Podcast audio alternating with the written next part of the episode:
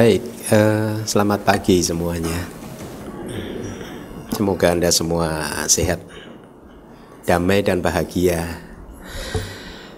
Ya, eh, apa kabar? Baik ya. Pagi hari ini kita akan, eh, saya akan mencoba untuk menyampaikan apa yang diajarkan Buddha yang saya rasa ini sangat bagus sekali khususnya eh, sangat relevan dengan situasi di dunia akhir-akhir ini ya. Di mana kita sering kali dipertontonkan eh, oleh dunia ini tentang kemarahan ya. Kemarahan ada di mana-mana ya. Setiap hari kita bisa melihat contoh-contoh orang yang marah dengan kalimat yang meledak-ledak ya dengan penuh dendam ya dengan penuh rasa tidak bisa memaafkan ya setiap kali saya membaca, melihat, mendengar hal-hal seperti itu membuat saya merenungkan betapa dunia ini sudah jauh berubah ya. Paling tidak dari apa yang saya ketahui pada waktu saya masih kecil dulu sekitar tahun-tahun awal tahun pertengahan tahun 70-an mungkin ya. Kalau Anda yang lahirnya sama sama saya, Anda sekolah TK itu pertengahan tahun 70-an.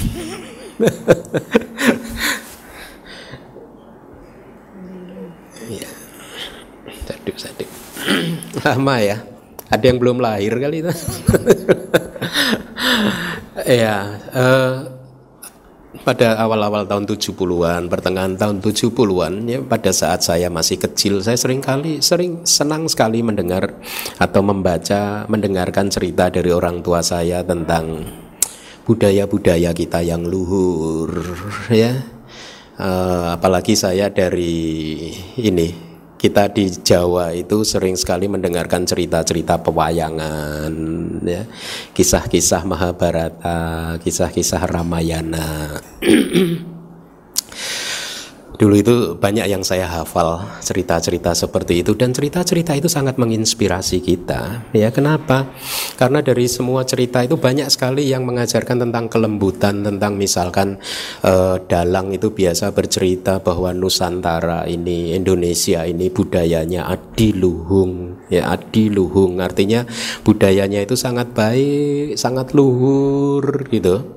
Dengan bahasa-bahasa mereka uh, apa gemah ripah loh Jinawi gitu kan? Anda pernah dengar nggak?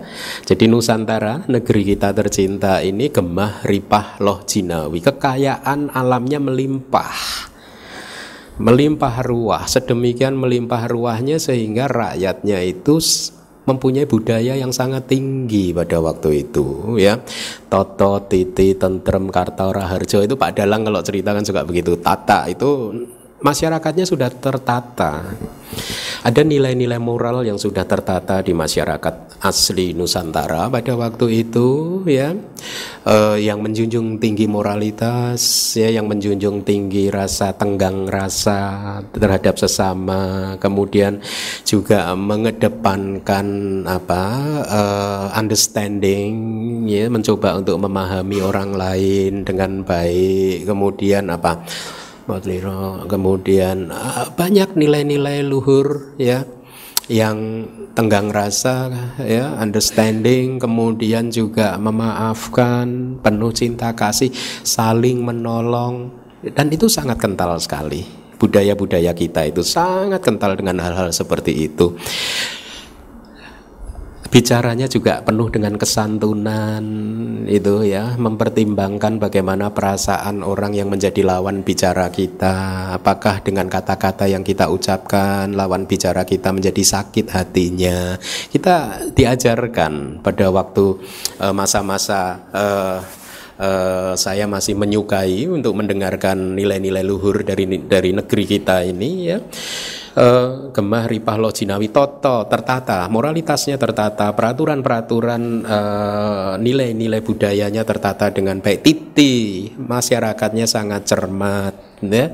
Sangat cermat itu tidak ceroboh tidak selebor tidak melakukan sesuatu yang hanya akan membuat tatanan masyarakat ini rusak, yang akan hanya membuat menghancurkan kepentingan orang banyak. Jadi titi, cermat, mindful. Kita di budaya Buddhis diajarkan itu kan untuk mindful, untuk penuh perhatian dengan tutur kata kita, penuh perhatian dengan sikap perilaku kita, penuh perhatian dengan apa yang ada di gejolak hati kita, ya. Toto titi tentrem Tentram hatinya. Masyarakat kita pada zaman dulu Nusantara kita itu sangat tentram Karena semua saling menghargai Saling memaafkan ya. Maka dalang-dalang itu suka memberikan perumpamaan Adem tentrem kadyo siniram banyu wayu sewindu lawase. Nah kayak Pak Dalang kan saya kan. Artinya apa? Adem itu dingin Keadaan masyarakatnya dingin cool, cool man. Adem tentrem, udah dingin keadaan masyarakatnya tentram juga. Adem tentrem kadyo siniram banyu wayu semidulawase. Jadi dingin, tidak emosional masyarakat kita pada apa? Yang yang asli masyarakat Nusantara tidak emosional, adem, dingin, tentrem, tentram hatinya. Seseorang yang hatinya tentram penuh kedamaian ya. Dia akan memancarkan kedamaian ke sekelilingnya juga sehingga orang-orang yang berada di sekitarnya juga merasakan efek dari kedamaian hatinya. Toto tentrem eh, katyosiniram nah, jadi adem tentrem dingin dan tentram seperti disiram oleh banyu wayu sumindulawasi oleh air yang sudah berumur tujuh tahun Bayangkan air yang dimasukkan ke e, mungkin ke satu tempat kalau orang modern itu kalau zaman dulu itu seperti danau air yang airnya nggak mengalir ke mana-mana nggak nggak berkurang nggak bertambah dan air itu sudah berada di danau selama tujuh tahun. Jadi diperumpamakan seperti air yang sudah berusia tujuh tahun itu sangat dingin sejuk dan kemudian juga sangat tenang tidak bergejolak. Dan itu sangat menggambarkan suasana hati suasana moral dari dari dari orang dulu masyarakat di Nusantara ya. Jadi melihat perkembangan dunia akhir-akhir ini di mana uh, banyak sekali perpecahan banyak sekali pertengkaran. Kita seperti dipertontonkan satu contoh yang karena efeknya kalau kita tidak memahami dharma, melihat hal-hal seperti itu akan kita kemudian masyarakat kebanyakan kemudian akan berpikir bahwa hal itu adalah hal yang benar. Betul tidak? Oh, ternyata di dalam menjalani kehidupan ini, di dalam bermasyarakat dan bersosial, kita boleh membalas dendam Oh ternyata di dalam kehidupan ini kita boleh marah terhadap orang yang marah kepada kita. Kemarahan dibalas dengan kemarahan. Kemarahan seseorang dijadikan justifikasi pembenaran untuk meledakkan kemarahan kita. Lihatlah lalu pertanyaannya apa bedanya orang yang marah kepada kita dan kita yang membalas dendam orang orang tersebut dengan kemarahan kita? Apa bedanya? Hmm? Bahkan yang menarik kadang balas dendam menjadi lebih lebih parah daripada sumbernya. Nah, jadi ada ketidakbijaksanaan telah terjadi ya di dunia ini dan itu bukan contoh yang baik karena sesungguhnya nilai-nilai luhur yang telah dianut oleh masyarakat di zaman kuno dulu itu adalah tenggang rasa, bisa merasakan perasaan suasana hati orang lain ya. Jadi dengan demikian semua tutur kata kita juga harus kita jaga supaya telinga teman kita yang mendengarkan tidak menjadi panas merah sakit ya kemudian membuat dia malah menjadi uh, stres tidak bisa makan tidak bisa tidur hanya gara-gara ucapan kita atau perbuatan kita atau apa pun yang kita lakukan terhadap orang-orang sekitar kita nah jadi berhubungan atau berkaitan dengan kondisi karena kita adalah makhluk sosial. Manusia adalah makhluk sosial yang tidak terhindarkan. Kita akan terus berhubungan dengan orang lain dan ingat kita berhubungan dengan orang lain yang rata-rata 99,9999% persen adalah putu jana. Tahu putu jana? Anda bergaul, kita semua bergaul, kita dikelilingi oleh orang-orang yang masih mempunyai emosi yang tinggi. Kita dikelilingi oleh orang-orang yang belum bersih hatinya, yang masih emosional, yang masih bisa membangkitkan istilah putu jana itu salah satu artinya adalah makhluk yang masih bisa membangkitkan banyak kekotoran batin. Dan tidak hanya kita dikelilingi oleh manusia-manusia seperti itu yang masih emosional, kita sendiri pun juga masih putu jana, kita sendiri pun juga masih mempunyai kekotoran batin, masih mempunyai nafsu, masih mempunyai kemarahan, kebencian dan lain sebagainya. Oleh karena itu berkali-kali selalu saya katakan di dalam tujuh hari, di dalam satu minggu, dengarkanlah dhamma karena dua jam Anda mendengarkan dhamma Keluar dari ruangan ini Anda akan mendapatkan satu petunjuk Tentang bagaimana seharusnya atau sebaiknya menjalani kehidupan di dunia sosial ini. Dan berkaitan dengan apa yang sudah saya sampaikan tadi Buddha mengajarkan satu suta yang sangat menarik. Suta yang akan saya sampaikan ini adalah berkaitan dengan Bagaimana kita menjaga kualitas spiritual kita secara internal ya. Jadi petunjuk di dalam suta ini sangat menarik dan sangat menginspirasi. Sejak pertama saya membaca suta ini sampai hari ini terus-menerus menginspirasi saya. Saya sudah pertama kali membaca suta ini lebih dari 10 tahun yang lalu. Ya. Dan di dalam perjalanan kebikuan saya juga udah berkali-kali saya memberikan ceramah berdasarkan suta ini baik di luar negeri maupun di Indonesia juga sudah berkali-kali saya menyampaikan. Pagi hari ini akan saya sampaikan kembali suta tersebut karena saya merasa ini sangat bagus dan saya ingin Anda mendapatkan satu value yang nanti keluar atau setelah selesai mendengarkan ceramah ini Anda akan mempunyai nilai yang harus Anda tegakkan, nilai yang harus Anda praktekkan, nilai yang harus Anda terus-menerus kembangkan. Oleh karena itu dengarkanlah apa yang dikatakan oleh Buddha. Suta ini bernama Sedaka Suta, berasal dari Sang Yuta Nikaya. Ya, jadi pada suatu hari Buddha berkata kepada para biku, uh, beliau menceritakan bahwa ada dua orang, guru dan murid. Mereka ini mata pencahariannya adalah dengan mempertontonkan kemampuannya bermain akrobat. Akrobat yang mereka pertontonkan adalah akrobat tiang bambu. Jadi kira-kira mereka berdua ini menancapkan dua tiang bambu ya sedemik dengan jarak yang pas cukup sehingga mereka bisa naik ke atas. Ya, tinggi sekali di atas. Kemudian mereka berdua di atas nanti akan mempertontonkan pertunjukan-pertunjukan akrobatik mereka dengan tujuan untuk mendapatkan uang dari rakyat yang menontonnya di bawah. Nah, pada suatu hari mereka sampai di satu desa dan kemudian uh, rakyat penduduk desa sudah berkumpul dan setelah itu uh, apa uh, setelah penduduk desa berkumpul maka sang uh, guru atau pelatihnya mulai menancapkan bambu dan kemudian dia naik sampai ketinggian tertentu. Pada setel, saat dia sudah mencapai ketinggian tertentu, Anda bayangkan kemudian master ini berteriak kepada muridnya yang di bawah, asistennya, dia berteriak, "Sekarang giliran kamu untuk naik." Naiklah.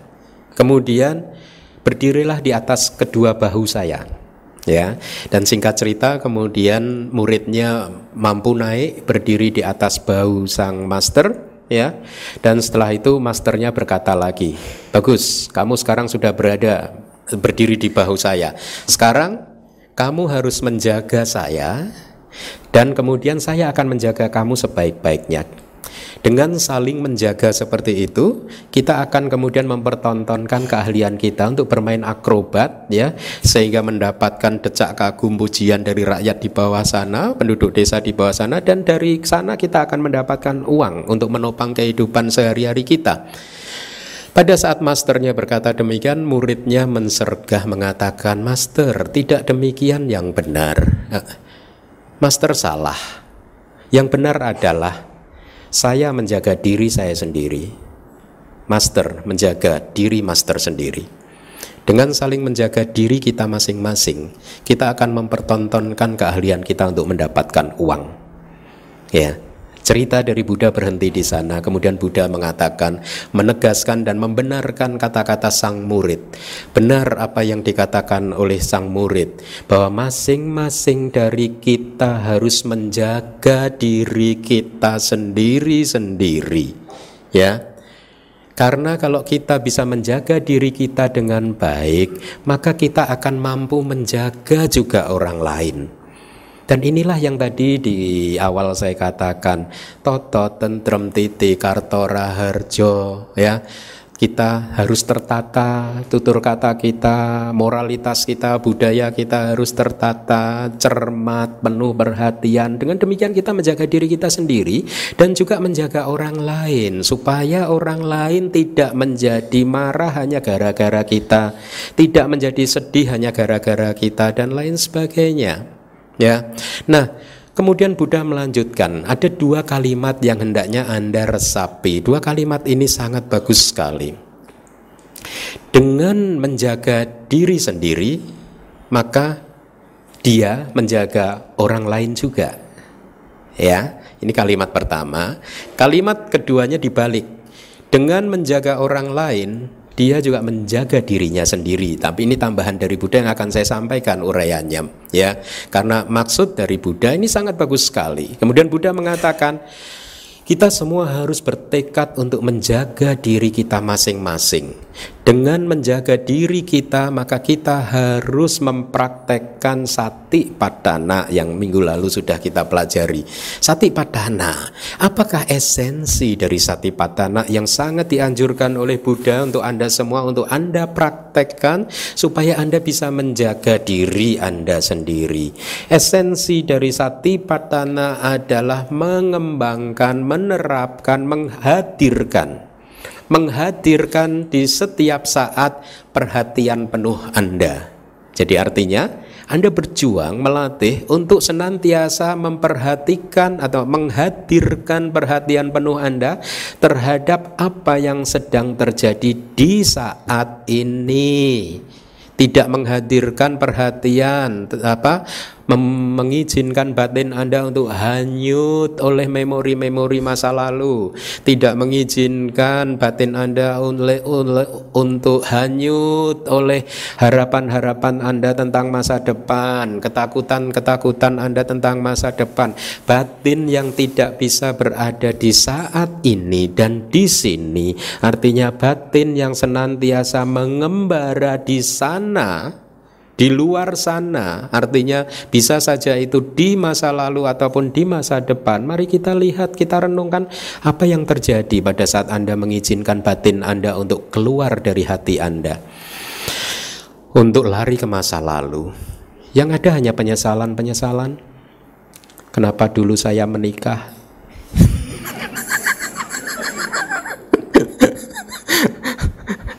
Salah sendiri. Sekarang udah mau udah begini mau jadi biku udah nggak bisa Bante. Syukurin. No no no no no no. Ajaran Buddha bukan untuk para biku ya untuk anda semua juga. Anda menderita bukan karena anda menikah? Ya, Anda menderita bukan karena Anda mempunyai suami, Anda menderita bukan karena Anda mempunyai istri, tidak. Anda menderita karena Anda mengharapkan suami Anda berlebihan. Anda menderita juga karena Anda mengharapkan istri Anda terlalu berlebihan. Hmm? Turunkan harapan-harapan Anda. Lower your standard. Suami Anda itu emang kayak gitu itu, ya. Istri Anda juga emang kayak gitu. Jangan menaruh harapan terlalu tinggi terhadap suami dan istri Anda. Ya? After all, suami dan istri Anda adalah putu jana. ya, suami dan istri Anda adalah orang yang belum tercerahkan, yang juga bisa, masih bisa marah, masih bisa mempunyai nafsu, masih bisa menyakiti Anda, ya. Jadi dengan menurunkan harapan-harapan Anda, menurunkan standar-standar Anda, Anda bisa lebih tenang. Katyo siniram banyuwayu sewindu lawase, dingin cool seperti air yang sudah mengendap selama tujuh tahun lamanya. Betul tidak? Kenapa Anda bergejolak pada saat menjalani kehidupan rumah tangga Anda? Karena harapan Anda terlalu tinggi, ya. Jangan, tapi kan idealis kan boleh Bante mempunyai suami yang hebat itu mempunyai istri yang hebat itu kan juga dambaan seorang uh, kita mempunyai pasangan kan pengennya dapat pasangan yang baik. Anda salah. Gucci itu yang mahal adalah yang retaknya seribu. Benar tidak? Gucci kalau nggak ada retaknya kalah sama yang retak seribu betul tidak? Nah ingat suami anda adalah retak seribu. Dia retak di mana-mana istri Anda. Saya paling suka kalau udah bicara hal-hal seperti ini karena apa? Saya bisa berkata apa saja tentang kehidupan suami dan istri dan Anda tidak bisa membalas saya. Makanya saya paling suka kalau udah sampai ke poin ini saya bisa satu jam bicara tentang bagaimana suami dikecewakan istri, bagaimana istri dikecewakan suami, syukurin, syukurin, syukurin. nah mas, mas, kan kemarin ya sudah disampaikan ya cinta itu bu udah ya? Hmm? betul. Cinta itu buta ya nah anda menikah anda cinta nggak sama suami atau istri anda Hah? Enggak Bante, berarti Anda nggak buta lah. nah, lower our standard terhadap kehidupan, ya pada akhirnya kita hidup di dunia dikelilingi oleh banyak-banyak manusia. Semuanya, hampir semua, 99,99999 eh, persen adalah manusia yang masih mempunyai emosi. Oleh karena itu kalimat Buddha ini sangat bagus sekali ya. Saya akan menjaga diri saya sendiri dengan cara mempraktekkan satipatthana, dengan cara untuk senantiasa menghadirkan ini kalimat yang bagus. Parimukang sating upada petwa kata-kata Buddha ya. Dengan menghadirkan sati di muka itu kata-kata Buddha. Artinya di muka menghadirkan sati di muka menghadirkan perhatian penuh atau mindfulness di muka itu artinya apa? Menjadikan mindfulness itu number one nomor satu yang harus terus menerus kita perhatikan untuk kita hadirkan untuk muncul mengamati apa yang sedang terjadi di saat ini ya. Dengan menghadirkan sati di saat ini, maka kehadiran sati akan mencegah penyesalan-penyesalan terhadap masa lalu Anda. Karena pada saat batin Anda lari ke masa lalu, lihatlah batin Anda akan terseret oleh semua emosi-emosi negatif, oleh penyesalan-penyesalan Anda, oleh keputusan-keputusan salah yang telah Anda lakukan. Kenapa Anda tidak bisa melepaskan kesalahan-kesalahan Anda? Kenapa Anda tidak bisa memaafkan diri Anda sendiri atas kesalahan yang sudah terjadi di masa lalu sering kali Anda dibodohi oleh pikiran Anda sendiri dengan berpikir seandainya saya dulu ya tidak mengambil atau tidak kuliah di fakultas ekonomi, fakultas teknik atau fakultas apa pun, mungkin kehidupan saya akan menjadi lebih baik daripada sekarang. Tetapi Apakah Anda yakin bahwa apabila di masa lalu Anda mengambil keputusan yang berbeda, maka hasilnya akan menjadi lebih baik di hari ini? Tidak ada yang yakin. Bisa jadi keputusan yang Anda ber, keputusan yang berbeda yang Anda ambil di masa lalu akan membuat Anda menjadi lebih buruk dari masa sekarang. Kemungkinannya ada, 50-50. Ini kunci yang penting, maafkanlah semua masa lalu Anda. Maafkanlah. Karena Anda juga tidak yakin kalau masa lalu Anda berbeda maka Anda akan menjadi lebih baik dari hari ini. Tidak ada yang yakin. Lalu buat apa Anda mengizinkan batin Anda untuk terus berkhayal hidup di masa lalu yang tidak sesuai dengan realitas, hanya membayangkan, membayangkan, mengcreate story, menciptakan cerita, oh masa lalu indah sekali dan dan lain sebagainya. Tapi itu semua adalah khayalan tidak sesuai dengan kenyataan dan hanya akan membuat Anda sedih, stres, depresi dan membuat Anda tidak hidup di saat ini, di sini, hari ini. Hiduplah di saat ini, hari ini dan di sini. Jangan hidup di masa lalu dan juga jangan hidup di masa depan depan karena kalau Anda hidup di masa depan apa yang terjadi? Anda memfitnah ular. Lihatlah, apakah yang Anda takutkan itu terwujud? Lihat, jangan memfitnah ular. Inilah peran dari guru Dharma, selalu membagikan insight-nya kepada para murid sehingga Anda bisa mendapatkan satu pedoman tentang bagaimana mengelola kehidupan. Anda yang sudah mendengarkan dan menjalankan nasihat saya tentang jangan memfitnah ular harus mengucapkan terima kasih pada saya. Karena karena Anda bisa lolos dari stres dan depresi, betul? Huh? Tidur nyenyak, betul? Tambah gemuk juga Anda makan ya. Nah, bebaskan dari masa depan karena kalau Anda mengizinkan pikiran Anda untuk terjebak di masa depan yang muncul hanyalah pengharapan-pengharapan yang palsu karena future is always uncertain. Masa depan selalu saja tidak pasti. Apa yang Anda rencanakan akan terjadi di masa depan pada saat harinya tiba berubah semua. Lihatlah, pada waktu kecil saya ingin menjadi dokter. Tetapi pada saat lulus SMA saya mendaftar di Fakultas Teknik Sipil. pada saat menjadi mahasiswa teknik sipil saya ingin jadi engineer. Lihatlah, sekarang jadi biku. Pada saat menjadi biku saya ingin menjadi biku hutan yang hidupnya murni di hutan. Lihatlah, saya sekarang ada di sini. Lihatlah, semua rencana-rencana saya di masa lalu gagal. Hmm? Maka sekarang saya sudah tahu tentang bagaimana mengelola kehidupan saya, bahwa cara terbaik untuk mengelola kehidupan saya adalah tidak membuat rencana masa depan, tidak melekat Apa pun yang terjadi saya tidak tahu. Yang saya tahu adalah di saat ini saya akan menjaga ucapan saya. Di saat ini saya akan menjaga perbuatan saya. Di saat ini saya akan menjaga pikiran-pikiran saya. Itulah yang dinasihatkan oleh Buddha dengan menjaga diri sendiri maka saya saya akan menjaga diri saya sendiri. Dengan demikian maka saya akan mempraktekkan satipatthana, meditasi, menghadirkan perhatian penuh di saat ini, menjaga ucapan, menjaga perbuatan, menjaga pikiran kita supaya bebas dari hal-hal yang memicu konflik, bebas dari emosi-emosi yang negatif. Karena sesungguhnya kalau Anda benar-benar menghadirkan perhatian penuh Anda di saat ini maka batin Anda murni ini adalah dharma.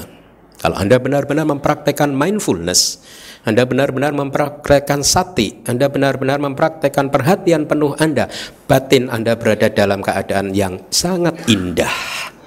Sangat indah jauh dari keserakahan, jauh dari kemarahan, jauh dari kebencian, apalagi jauh dari dendam. Seperti yang kita sering dipertontonkan sekali lagi, seolah-olah membalas dendam adalah sesuatu yang wajib untuk dilakukan. Lihatlah, bukankah itu adalah contoh yang jelek? Anda harus ingat bahwa kita adalah pencipta dari kehidupan kita sendiri. Siapa pun mereka itu adalah pencipta dari kehidupan mereka sendiri. Suasana hati Anda adalah alam di mana Anda berada secara psikologis. Paham maksud saya? Apa pun suasana hati Anda itu adalah alam kehidupan yang sedang Anda tempati secara psikologis. Maksud saya adalah kalau Anda, hati Anda dicekam oleh kemarahan, rasa benci, rasa dendam, oh saya akan membalas dendam ya hutang nyawa dibalas nyawa hutang darah dibalas darah. Ini kata-kata yang jelek. Huh? tidak perlu kita contoh ya. Apa yang akan terjadi sesungguhnya pada saat kita membalas dendam? Pada saat kita mengumbar kemarahan-kemarahan kita lihatlah. Anda orang yang sedang marah, orang yang sedang membalas dendam adalah manusia. Secara fakta de facto dia adalah manusia tetapi de jure dia hidup di neraka. Suasana hati yang dipenuhi oleh kemarahan, kebencian, rasa dendam adalah secara psikologis tidak lain dan tidak bukan adalah benih-benih untuk bisa terlahir di neraka. Itu secara karma. Secara psikologis dia sudah hidup di dalam neraka. Anda setiap kali Anda marah, Anda berada di dalam neraka. Hmm, renungkan itu. Lihat, Bayangkan, ingat-ingat kembali di masa lalu pada saat Anda sedang marah-marah, dipenuhi oleh rasa dendam, iri hati, dan lain sebagainya. Lihat, bukankah Anda hidup di dalam neraka? Secara kejiwaan Anda sudah hidup di sana. Itulah neraka yang sesungguhnya. Tetapi apa yang terjadi pada saat batin kita mengembangkan sifat memaafkan, sab sabar, penuh cinta kasih, menjaga diri kita sendiri. Lihat, kita hidup di dalam surga. Meskipun sekeliling kita itu adalah neraka, tetapi kita tidak terpengaruh oleh sekeliling kita karena kita sudah menciptakan surga di dalam hati kita. Jadi surga atau neraka memang benar ada alam yang disebut surga atau neraka, tetapi surga atau neraka yang merupakan alam kehidupan di mana nanti makhluk atau Anda akan menuju itu sesungguhnya adalah hasil dari apa yang sudah kita ciptakan, apa yang sudah Anda ciptakan di dalam kehidupan Anda sehari-hari. Dan Anda sudah bisa merasakannya surga itu seperti apa, neraka itu seperti apa. Oleh karena itu terus menerus hadirkan sekali lagi perhatian penuh terhadap saat ini eh, apa yang terjadi di saat ini. Maksudnya adalah kalau Anda sedang bercakap-cakap dengan seseorang, maka hadirkan perhatian penuh Anda terhadap kata-kata yang Anda Anda ucapkan. Hadirkan perhatian penuh pada kata-kata yang diucapkan oleh orang lain tersebut. Jangan menghakimi, jangan menilai apa pun. Jadilah a silent watcher ya seseorang yang melihat segala sesuatu di dalam keheningan, di dalam kesunyian.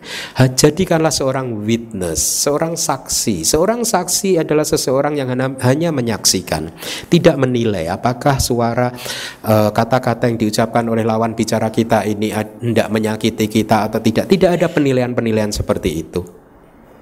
Ya.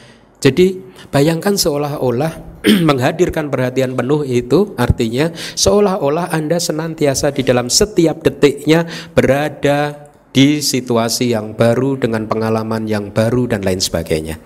Bayangkan pada saat Anda melihat saya untuk pertama kalinya, apakah ada kesan-kesan tertentu? Tidak. Batin Anda sangat murni pada saat itu.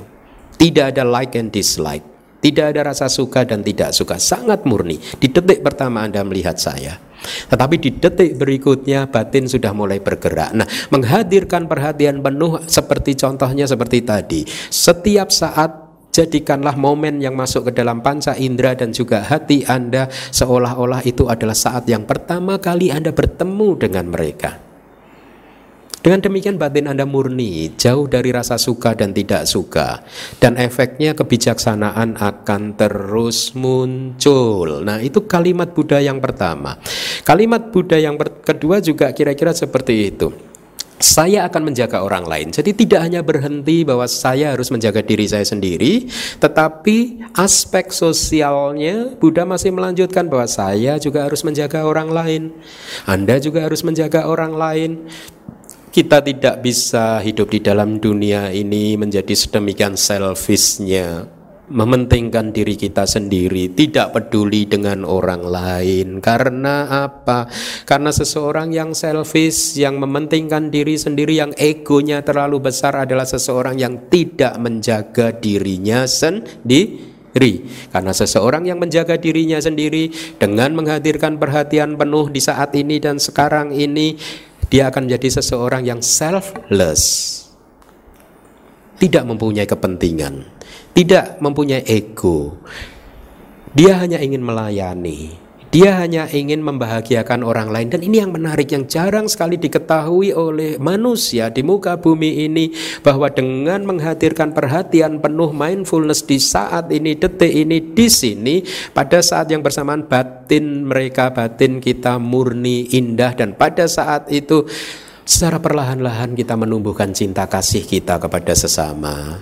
Kita menumbuhkan kewelas asihan kita pada sesama. Kita menumbuhkan kesabaran, kebijaksanaan kepada sesama. Kita mampu menerima apa pun perlakuan yang telah dipertontonkan oleh orang lain kepada kita. Itulah yang menarik, yang rahasia yang jarang diketahui oleh manusia. Bahwa ternyata untuk memurnikan batin ini kita harus menghadirkan satu hati, menghadirkan mindfulness, menghadirkan perhatian penuh. Nah, aspek sosialnya adalah kita juga harus menjaga orang lain. Kita tidak berhenti di menjaga diri kita sendiri. Apa yang harus kita lakukan? Buddha mengatakan, saya akan menjaga orang lain dan dengan demikian sati patana harus dipraktekkan. Kembali lagi, kita harus menjaga orang lain dengan cara terus-menerus mempraktekkan sati patana atau terus-menerus menghadirkan sati, menghadirkan perhatian penuh terhadap apa yang sedang terjadi moment by moment, saat demi saat tidak mengizinkan batin kita untuk mulai mengembangkan konsepsinya, kecurigaannya, ya, tidak mengizinkan batin kita untuk terjebak pada like and dislike, tetapi menjaga batin kita supaya tenang, Toto, tentrem, titi, kartora, harjo Ibaratnya seperti air yang sudah berusia tujuh win, uh, satu windu atau tujuh tahun lamanya. Cool, tenang, tidak bergejolak tidak mudah dikendalikan oleh dunia. Kenapa Anda mengizinkan dunia untuk mengendalikan kehidupan Anda? Lihatlah, orang yang belum terbebaskan adalah orang yang hidupnya senantiasa dikendalikan oleh dunia luar. Kalau dunia sedang tersenyum, dia tersenyum. Kalau dunia sedang cemberut, dia cemberut. Lihat, seperti seolah-olah Anda ini adalah pesawat televisi dan orang lain pegang remote control Anda. Pencet A, Anda ketawa. Pencet B, Anda menangis. Lihatlah, kenapa Anda memberikan, menyerahkan kehidupan yang berharga ini kepada orang lain? Karena Anda tidak tahu seni untuk hidup, yaitu untuk melatih, mengembangkan sati, mindfulness, perhatian penuh. Jadi lihat, dengan menjaga diri kita sendiri, saya akan menjaga diri saya dengan cara mempraktekkan satipatthana. Saya akan menjaga orang lain juga dengan cara mempraktekkan satipatthana. Dan kemudian Buddha melanjutkan kalimatnya ini sangat indah sekali. Ya, dengan menjaga orang lain, maka saya akan menjaga diri saya sendiri. Ya, ya. Dengan tujuan untuk menjaga orang lain, saya akan menjaga diri saya sendiri. Caranya bagaimana? Ase wanaya bhawanaya bahuli kamena. Itu kata-kata Buddha artinya apa? Ase wanaya. Dengan cara terus-menerus mempraktekkan satipatthana tadi. Ya, jadi dengan tujuan untuk menjaga orang lain, saya akan saya menjaga diri saya sendiri, ya. Dengan menjaga diri, uh, dengan demikian saya sekaligus menjaga orang lain. Asewanaya satipatananya. Jadi dipraktekkan satipatananya, bawanaya dikembangkan terus, di buat tumbuh menjadi makin besar, membuat Anda makin lihai mempraktekkan sati ya, menghadirkan sati, menghadirkan perhatian penuh, menghadirkan mindfulness Anda terus menerus dikembangkan. Cara mengembangkannya dengan kalimat yang terakhir bahuli kamena dengan terus menerus melatihnya. Itulah mengapa saya berjuang keras menyediakan waktu saya setiap hari Sabtu membuka kelas meditasi supaya kita semua bisa menumbuh kembangkan sati kita, menumbuh kembangkan perhatian penuh kita.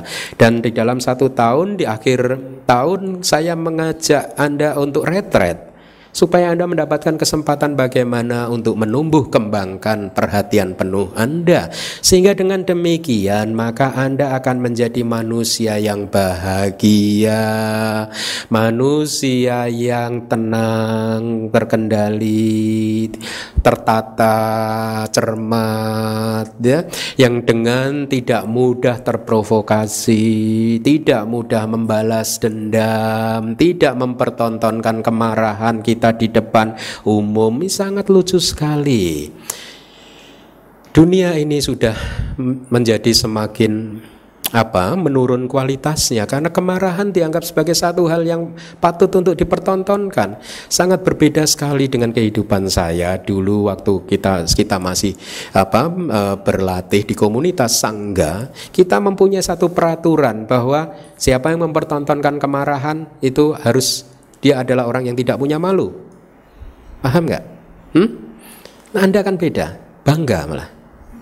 Banti saya habis marah lu. Eh, lu kok marah kok bangga? Kalau anda marah itu malu. Kembangkanlah rasa hiri dan otak. Wah, rasa malu ya rasa takut juga akan konsekuensi dari kemarahan tersebut. Jadi dengan demikian kita menjaga juga diri kita sendiri ya. Dengan menjaga diri kita sendiri lalu Buddha mengatakan dengan terus menerus asewana mempraktekannya bawanaya mengembangkan perhatian penuh kita sehingga tumbuh besar seperti pohon yang kokoh akhirnya. Kemudian bahuli kama dengan terus menerus melakukannya menerus terus menerus melatihnya ya. Usahakan ikut retret di dalam satu tahun 10 hari dalam 365 hari itu worth enough worth it. Ya 365 hanya dis, di, disisihkan 10 hari, 12 hari. Ya, sisihkanlah. Sebagai umat Buddha kalau Anda tidak bermeditasi Anda rugi. Rugi. Anda menyia-nyiakan kehidupan Anda karena core inti dari Buddhism adalah meditasi, ya. Anda harus bermeditasi supaya terjadi transformasi diri, supaya terjadi transformasi batin, supaya Anda bisa menciptakan surga di dunia ini. Ya, dengan terus-menerus mempraktekkan satipatthana, maka kita menjaga orang lain juga. Karena pada saat kita terus-menerus menjaga diri kita dengan cara yang demikian, maka kata-kata kita akan tertata dengan baik. Kita pun akan jadi manusia yang sangat cermat. Dengan demikian, orang lain akan terhindar dari rasa sakit hati karena kecerobohan kita. Seringkali ya, karena kecerobohan kita, kita mengucapkan kata-kata yang kasar, yang menyakiti perasaan orang lain, yang membuat orang lain akhirnya sedih, stres, kecewa, dan lain sebagainya. Lihatlah, hanya dikarenakan kata-kata yang tidak terkendali dengan baik, yang keluar dari mulut kita, akhirnya orang lain menderita. Dan dengan demikian kita tidak menjaga orang tersebut. Di mana cinta kasih kita? Di mana kewelas asian kita pada saat kita mengizinkan orang stres, menderita, sedih, menangis, ya, kemudian putus asanya gara-gara perbuatan-perbuatan kita, ya.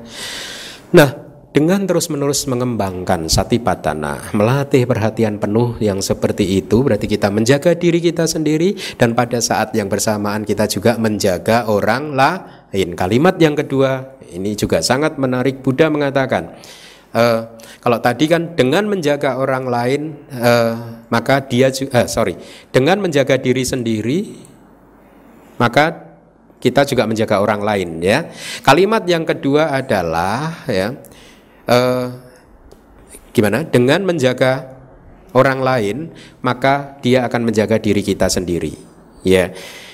Kalau Anda benar-benar menjaga orang lain dan pada saat yang bersamaan dengan Anda menjaga orang lain, maka Anda akan menjaga juga diri Anda sendiri. Kebalikannya, ya. Caranya bagaimana? Buddha mengatakan kantiya awi himsaya meta citaya anudataya. Artinya apa? Kantia dengan kesabaran Anda harus berhubungan dengan orang lain dengan penuh kesabaran. Karena kalau Anda sabar pada saat Anda berhubungan dengan orang lain maka pada saat itu Anda menjaga diri Anda sendiri. Sabar Dengarkan kata-kata dia dengan baik. Jauhkan diri kita dari prasangka. Semua kita harus melatih hal-hal seperti ini. Karena kesabaran adalah kualitas hati seperti hal yang lain adalah seperti pohon yang harus kita siram, harus kita beri pupuk supaya dia menjadi makin besar. Supaya kesabaran Anda makin besar dan makin kuat. Semua dari kita harus melatihnya. Tanpa dilatih jangan berharap tolong kembangkan kesadaran Nah, jadikan saya mempunyai kesad, apa, kesabaran yang cukup kuat. Tidak bisa. Kita harus melatihnya. Anda harus menyiraminya. Anda harus mempraktekkannya supaya kesabaran akhirnya menjadi sifat Anda. Ya. Tidak ada yang mistik di dalam ajaran Buddha. Ya, karena semuanya itu harus dilatih dengan baik, sangat ilmiah. Caranya bagaimana? Caranya dengan terus-menerus menghadirkan perhatian penuh karena kalau benar-benar Anda sedang mendengarkan apa yang dikatakan oleh lawan bicara Anda maka pada saat itu lihatlah Anda berada bersama dengan dia anda bisa menghayati dia. Anda bisa merasakan bahwa sesungguhnya dia adalah makhluk yang sama dengan saya. Seperti halnya saya yang tidak ingin menderita. Seperti halnya saya yang tidak ingin disakiti. Dia pun juga adalah makhluk yang sama persis dengan kita ya. Dia juga makhluk yang tidak ingin disakiti. Dia adalah makhluk yang persis dengan kita. Kita ingin orang lain memperlakukan kita dengan baik. Dia pun juga adalah makhluk yang ingin kita perlakukan dengan baik. Tidak ada bedanya. Ya, tidak ada bedanya. Kita semua ini sesungguhnya tidak ada bedanya. Tapi yang membuat berbeda ini hanya casingnya aja, bungkus. ada yang bungkusnya pakai bungkus ini, bungkus itu. Ini hanya bungkus yang membedakan, tapi isi batin kita itu sama saja. Nah, dengan mendengarkan dengan seksama, maka kita bisa kemudian tenggang rasa terhadap orang lain. Inilah adalah budaya Nusantara dulu. Tenggang rasa itu apa sih? Mengerti perasaan orang lain, menghormati perasaan orang lain, menjaga perasaan orang lain, mencoba untuk memahami apa yang orang lain inginkan. Ini adalah tenggang rasa. Dengan tenggang rasa yang muncul dari kesabaran, sabar, tidak reaktif, tidak menyakiti orang lain. Dengan menjaga orang lain seperti itu, maka efeknya apa? Kita juga menjaga diri kita sendiri. Karena seseorang akan hormat terhadap mereka yang sabar. Betul tidak? Hmm? Kalau Anda mengembangkan sifat kesabaran Anda, orang lain akan menghormati Anda dan dengan demikian Anda akan selamat. Anda akan dijauhkan dari mara bahaya. Ya, karena orang akan segan kepada Anda, orang akan segan untuk menyakiti Anda. Inilah Buddhism. Seringkali saya ditanyakan Bantai bagaimana caranya mendapat kesaktian. Kesaktian buat apa? Emang kamu mau perang? Hah? Itu kan terlalu mengada-ada. Kesaktian ini, kesaktian itu sudah nggak butuh, men. Dunia modern hanya butuh kesabaran, itu kesaktian Anda. Jadilah orang yang sabar. Hmm? Kita semua harus melatih kesabaran tersebut dan ini harus dilatih, harus ditumbuh kembangkan. Ya, ini adalah kesaktian kita. Ya, kalau anda sabar, ya ke mana pun anda berada, orang akan sayang kepada anda, cinta pada anda akan menjaga Anda juga. Jadi lihatlah, bukankah ajaran Buddha 2600 tahun yang lalu sangat relevan? Oleh karena itu Dhamma itu dikatakan sebagai satu ajaran yang timeless, tidak mengenal waktu, sampai kapan pun akan selalu benar. Kembangkan kesabaran Anda dengan menjaga orang lain dengan cara mengembangkan kesabaran terhadap apa yang orang lain perlakukan kepada kita, maka pada saat yang sama juga kita menjaga diri kita sendiri. Katakanlah ada orang yang marah-marah terhadap kita, ya. Kalau kita bisa memaafkan dia dengan penuh kesabaran kita, lama-lama api kemarahannya akan redup Hmm? Dan yang lebih penting lagi adalah dengan kesabaran mampu menerima kemarahan orang lain kepada kita, kita menciptakan surga di dalam kehidupan kita. Meskipun kita dikelilingi oleh neraka, tetapi kita telah hidup di dalam surga yang berada di tengah-tengah neraka. Inilah Buddhism. Ciptakanlah surga di tengah-tengah neraka ya karena Anda adalah makhluk yang sama sekali tidak terpengaruh seharusnya oleh dunia luar. Dunia luar tidak bisa mengendalikan Anda. Kalau di sekeliling Anda adalah api neraka bukan berarti bahwa Anda harus terbakar oleh api neraka juga. Anda bisa menciptakan air yang menyejukkan seperti air yang sudah terendam tujuh tahun lamanya tadi yang dingin sejuk ya. Nah kalimat yang kedua yang harus dipraktekkan adalah kita harus menjaga orang lain. Yang pertama tadi dengan kesabaran kantia, yang kedua adalah dengan awihimsa. Awihimsa ya. Dengan awihimsa. Awihimsa itu semacam bermudita.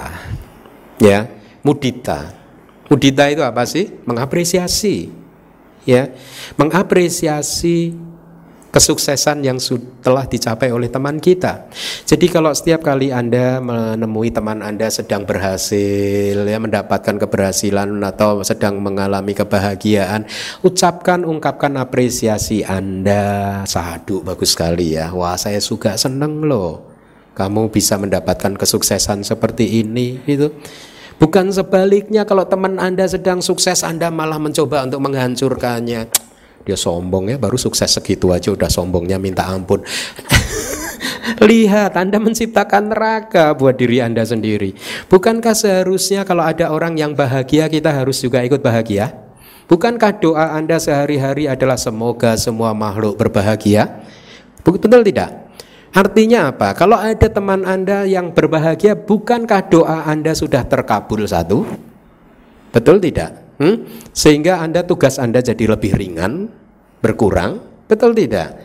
Ya, jadi kita harus pada saat orang sedang mengalami keberhasilan, kesuksesan, kebahagiaan, Anda harus kembangkan sikap apresiatif, joy, kegembiraan untuk mengapresiasi hal tersebut. Dan ini juga seperti tumbuhan, benih tumbuhan yang harus Anda kembangkan, harus Anda sirami, harus Anda beri pupuk, dilatih, dilatih ya. Jadi nanti kalau misalkan Anda keluar di sana ya, ada abdi dhamma melayani makanan buat Anda, Anda harus mengucapkan apresiasi karena mereka sedang berbuat baik. Betul tidak? Latihlah itu, latihlah dalam hal yang nyata ya ucapkan kalau anda masih malu mengucapkan saduji saduko gitu dalam hati saduji saduko nggak apa-apa benihnya masih kecil nggak apa-apa tapi dari benih yang kecil ini biarkan dia nanti tumbuh menjadi besar dengan terus anda sirami ya di DPS setiap hari Minggu memberi kesempatan Anda untuk menyirami benih apresiatif joy satu kegembiraan untuk mengapresiasi perbuatan baik, kebaikan yang telah dilakukan oleh orang lain. Nanti ada abdi dhamma itu yang melayani makanan Anda mungkin ada sepuluh. Ucapkan satu-satu, berarti sepuluh kali Anda menyirami benih tersebut. Maaf ya, Ci, saya sedang mempraktekkan nasihat Bante. Sadu, sadu, sadu. Ya, apresiasi lah ya. Jadi karena mengembangkan sikap apresiatif tersebut dengan demikian orang akan senang kepada Anda. Betul tidak? Ya, kalau Anda mengucapkan secara nyata, oh bagus ya karma uh, Anda mendapat kesempatan berbuat karma baik. Saya sangat mengapresiasinya loh. Sadu, sadu, bagus sekali. Dia akan bahagia. Orang yang bahagia tidak akan melukai Anda. Betul tidak? Hah? Kalau dia bahagia, dia tidak akan melukai Anda. Inilah Buddha mengatakan, dengan menjaga orang lain, Anda menjaga diri Anda sendiri. Orang yang bisa melukai Anda adalah orang yang sedang tidak bahagia. Hmm? Kalau Anda tidak menjaga kebahagiaan teman Anda, maka bisa jadi dia akan menimpakan ketidakbahagiaannya kepada Anda. Akan membaginya karena dia sangat murah hati kepada Anda. Dia akan berdana, ini saya danakan sebagian dari ketidakbahagiaan saya kepada kamu. ya lihat ingat-ingat ya bahwa orang yang sedang marah kepada Anda adalah orang yang sedang tidak bahagia dan dia itu committing suicide bunuh diri kayak tentara Jepang dulu kamikaze itu loh tahu nggak kamikaze itu hmm? tahu itu istilah yang benar ya kamikaze ya naik pesawat ya terus dia menabrakkan pesawatnya itu mati bersama-sama kan betul nggak? Dia adalah orang yang kami kasih. Ya, jangan izinkan Anda untuk mati bersama dia. Huh? Orang yang sedang memarahi Anda adalah orang yang sedang tidak bahagia dan juga ingin mengajak Anda untuk sama-sama tidak bahagia. Maka Anda harus stay away. Anda harus bebaskan dari mereka. Anda harus cepat-cepat menyiram air di api mereka, ya. Siram air dengan apa? Kesabaran kesabaran, sabar. Dan yang ketiga, nasihat dari Buddha adalah meta citaya. Dengan mengembangkan batin yang penuh meta, cinta kasih. Kalau ada seseorang yang uh, apa? Kita kembangkan cinta kasih kepada siapa pun juga. Ya, kalau kita melihat seseorang sedang bahagia, sedang sukses, ya, kita harapkan, oh bahagia. Semoga kamu bisa mempertahankan kebahagiaan kamu. Jangan malah dirusak kebahagiaan dia. Eh kata Bante Keminda kebahagiaan juga anicca loh. Udah nggak usah diomongin kalau pas lagi gitu. itu Anda menghancurkan. Iya benar memang kebahagiaan itu anicca, tapi udahlah nggak usah dibohong. Kasihan dia. Udah biar dia menikmati kebahagiaannya sendiri gitu. Nanti kalau dia sedih baru kamu kamu lupa ya Bante Kemindangan dulu bilang anicca. Nah itu saat yang tepat untuk mengatakan anicca. Jangan orang sedang bahagia langsung anda katakan eh hey, Bante bilang Buddha bilang anicca loh. Loh itu kan anda itu bukan teman yang baik kan? Bukan nggak suportif kan? Ya? Anda boleh mengucapkan anicca kalau teman anda sedang stres Kalau lagi bahagia tahan, tahan, tahan, tahan. Anda harus jaga dia ya supaya tetap bahagia ya. Baru nanti kalau oh, udah nggak bahagia lagi ini gimana? Nah, ya ya. Kalau kamu bahagia terus ya Buddha yang salah. Nah, pas kan? Huh? Memang kamu harus habis bahagia, habis itu habis terus tidak bahagia kan gitu ya. Nah dengan meta mengharapkan makhluk untuk senantiasa berbahagia. Kita harus terus-menerus mengharapkan makhluk untuk terus bahagia. Saya sebagai sebagai sesepuh istilahnya ya guru spiritual di DBS saya mencoba semaksimal mungkin untuk memberi ruang yang seluas-luasnya kepada para abdi dhamma pengurus dan lain sebagainya kenapa karena saya ingin juga sama mereka juga ingin berkembang mereka juga ingin mempunyai ruangan yang cukup untuk mengekspresikan cinta kasihnya mengekspresikan uh, sebagai jiwa relawan itu kan selflessnessnya melayani orang lain. Mereka butuh ruangan. Pengurus juga ingin mengekspresikan kebijaksanaannya supaya bagaimana membuat DBS ini besar. Saya memberi ruang semaksimal mungkin yang saya bisa Ya, kenapa? Karena saya ingin menjaga orang tersebut. Saya ingin menjaga orang lain. Ya, nah, jadi lihatlah kalau Anda menjaga orang lain dengan kesabaran, kalau Anda menjaga orang lain dengan satu sikap kegembiraan untuk mengapresiasi keberhasilan, kesuksesan, kebahagiaan orang lain, kalau Anda mengembangkan menjaga orang lain dengan mengembangkan batin yang penuh meta, kira-kira orang yang menerimanya akan bisa menyakiti Anda tidak? Tidak. Bahkan pada saat dia masih tetap menyakiti Anda, Anda tidak akan tersakiti. Ini yang menarik. Seseorang yang jiwa metanya, pikiran batin metanya tinggi tidak akan pernah bisa disakiti. Seseorang yang sabar tidak akan pernah bisa disakiti. Seseorang yang senantiasa mengapresiasi keberhasilan orang tidak pernah dis bisa disakiti.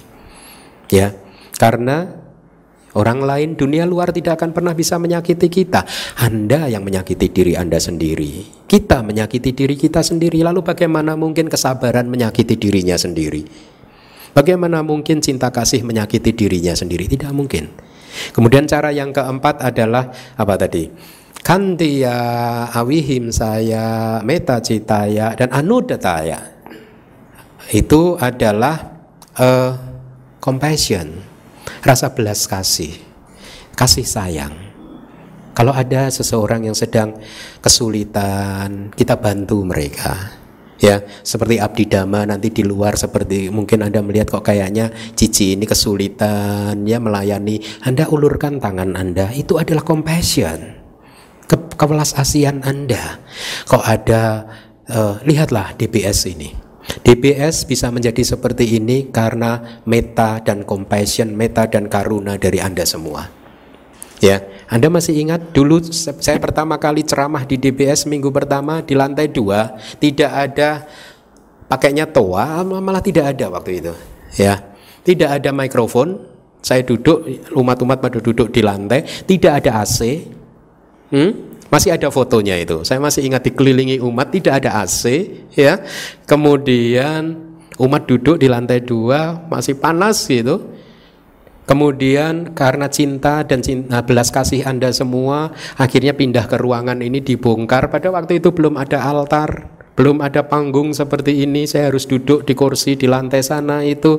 Lihatlah, karena ada meta cinta kasih dan kewelas asian dari Anda semua akhirnya bisa ada rupang, ya ada AC dan lain sebagainya ini semua karena cinta kasih kewelas asihan dari manusia dari anda semua yang telah kita terima anda sekarang bisa duduk nyaman karena cinta kasih orang lain karena kewelas asihan orang lain Hmm? Jadi jangan pernah berpikir bahwa Anda bisa menjadi manusia seperti Anda hari ini murni karena usaha Anda sendiri. Tidak ada.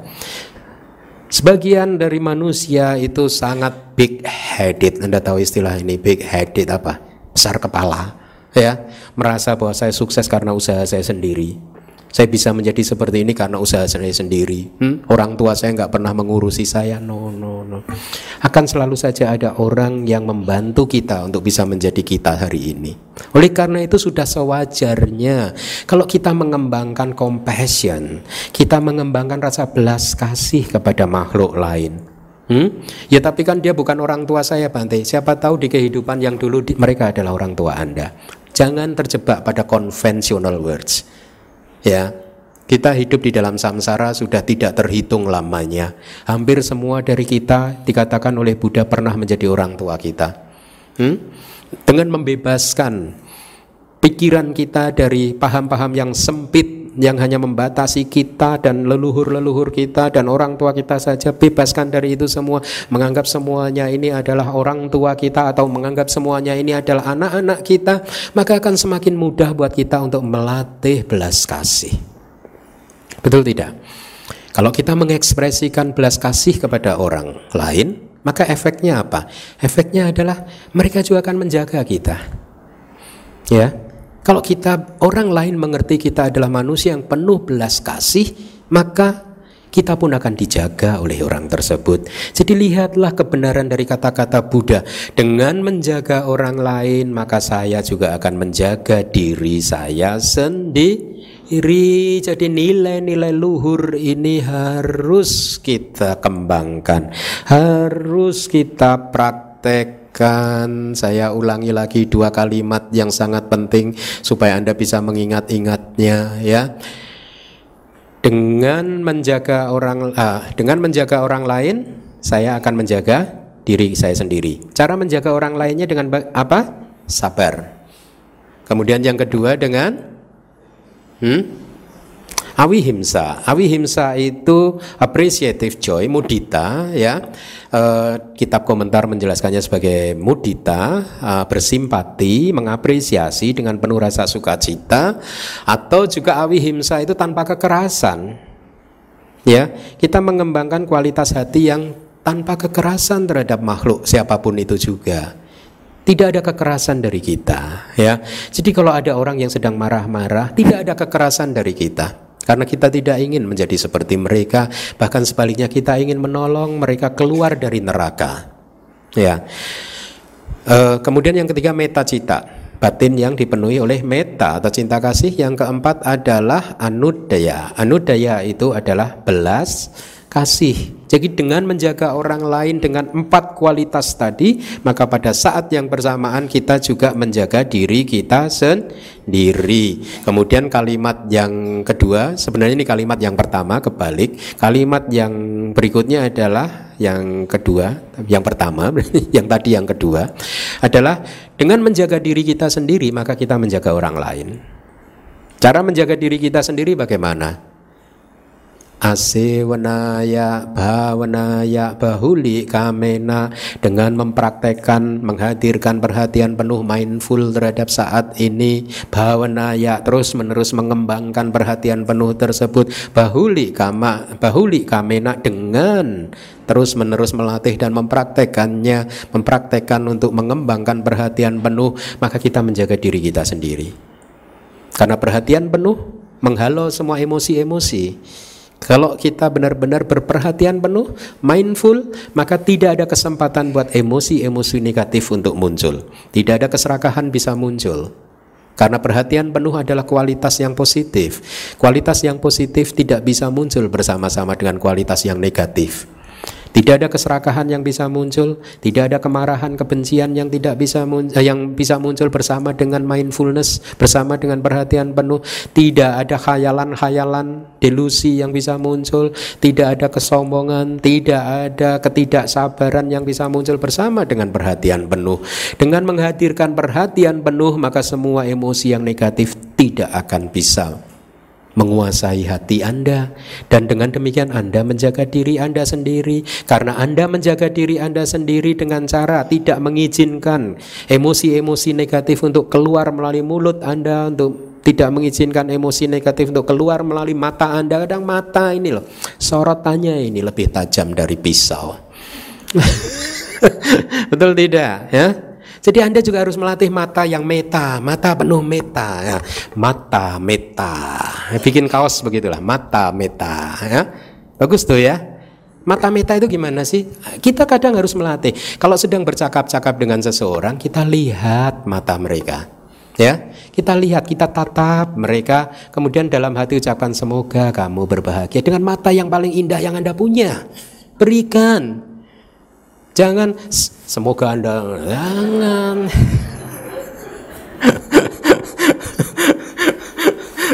Jangan berikan. Kita harus melatih mata meta. Ya banyak senyum, rileks, tidak mudah tegang. Dengan demikian orang yang berada di sekeliling kita pun juga rileks, tidak tegang dan mereka akan menjaga diri kita sendiri. Ya, jadi lihat ajaran Buddha 2600 tahun yang lalu masih relevan untuk kita saat ini ya. Di saat dunia sedang panas membara seperti ini, di mana nilai-nilai keagungan sudah mulai luntur, ya, di mana seolah-olah kita sering sekali diperlihatkan bahwa membalas dendam itu adalah sesuatu yang baik, kita diperlihatkan bahwa mengumbar kemarahan itu adalah sesuatu yang baik. Kita dipertontonkan oleh mengucapkan kata-kata kasar itu adalah sesuatu yang baik. Tetapi itu semua bukan, bukan dharma. Latihlah kesabaran kita, cinta kasih kita, ya meta, karuna, kemudian uh, mudita kita, kita latih, kita kembangkan perhatian penuh kita sehingga kita bisa menjadi manusia yang sabar. Ya, kita bisa menjadi manusia yang teduh, yang dingin, ya, seperti apa yang saya ucapkan di awal tadi, toto tentrem tit eh, jinah ripah loh jinawi toto titi tentrem kartora harjo Nusantara ini adalah negara yang berlimpah ruah kekayaannya ya. Sehingga karena apa? Dan masyarakatnya sudah tertata tertoto tata. Secara moral tertata budaya tertata ya. Kemudian perilaku semuanya itu tertata titi cermat sangat cermat berperhatian penuh. Di kata-kata di bahasa Jawa itu ada yang dikatakan eling kelawan waspodo itu sati dan sampak jana. Itu juga ungkapan-ungkapan meditator. Eling dan waspada, ingat dan selalu waspada. Ya, terhadap apa? Ingat dan waspada apa? Bukan ingat dan waspada terhadap orang lain. Ingat dan waspada terhadap diri kita sendiri terhadap gejolak batin kita sendiri. Toto, titi, tentrem, kartora, harjo. Kartora, harjo itu apa? Kalau kita sudah tertata, cermat, akhirnya apa? Kartora, harjo. Jadi kita bersemangat juga menjalani kehidupan ini. Perhatian penuh tidak akan pernah perhatian penuh ya akan mengconserve your mental energy. Akan apa? merawat, mengamankan ya, menjaga energi mental Anda. Emosi, emosi negatif Anda sebaliknya akan menghabiskan energi mental Anda. Ya, inilah mereka, inilah mengapa orang yang emosian biasanya cepat sakit. Saya tadi malam sakit. Berarti saya emosian. Oh saya menyesal harusnya saya tidak usah mengucapkan kata-kata tadi berarti Anda tahu. no no no. Jadi demikian yang bisa saya sampaikan. Uh, semoga bermanfaat. Ya kita junjung nilai-nilai kesantunan, kesabaran, cinta kasih, kewelas asian, uh, kemudian mudita. Ya kita kembangkan semua hal-hal yang baik. Ya kita harus menjaga diri kita sendiri demi menjaga orang lain dan kita juga harus menjaga orang lain demi menjaga diri kita sendiri. Baik, terima kasih.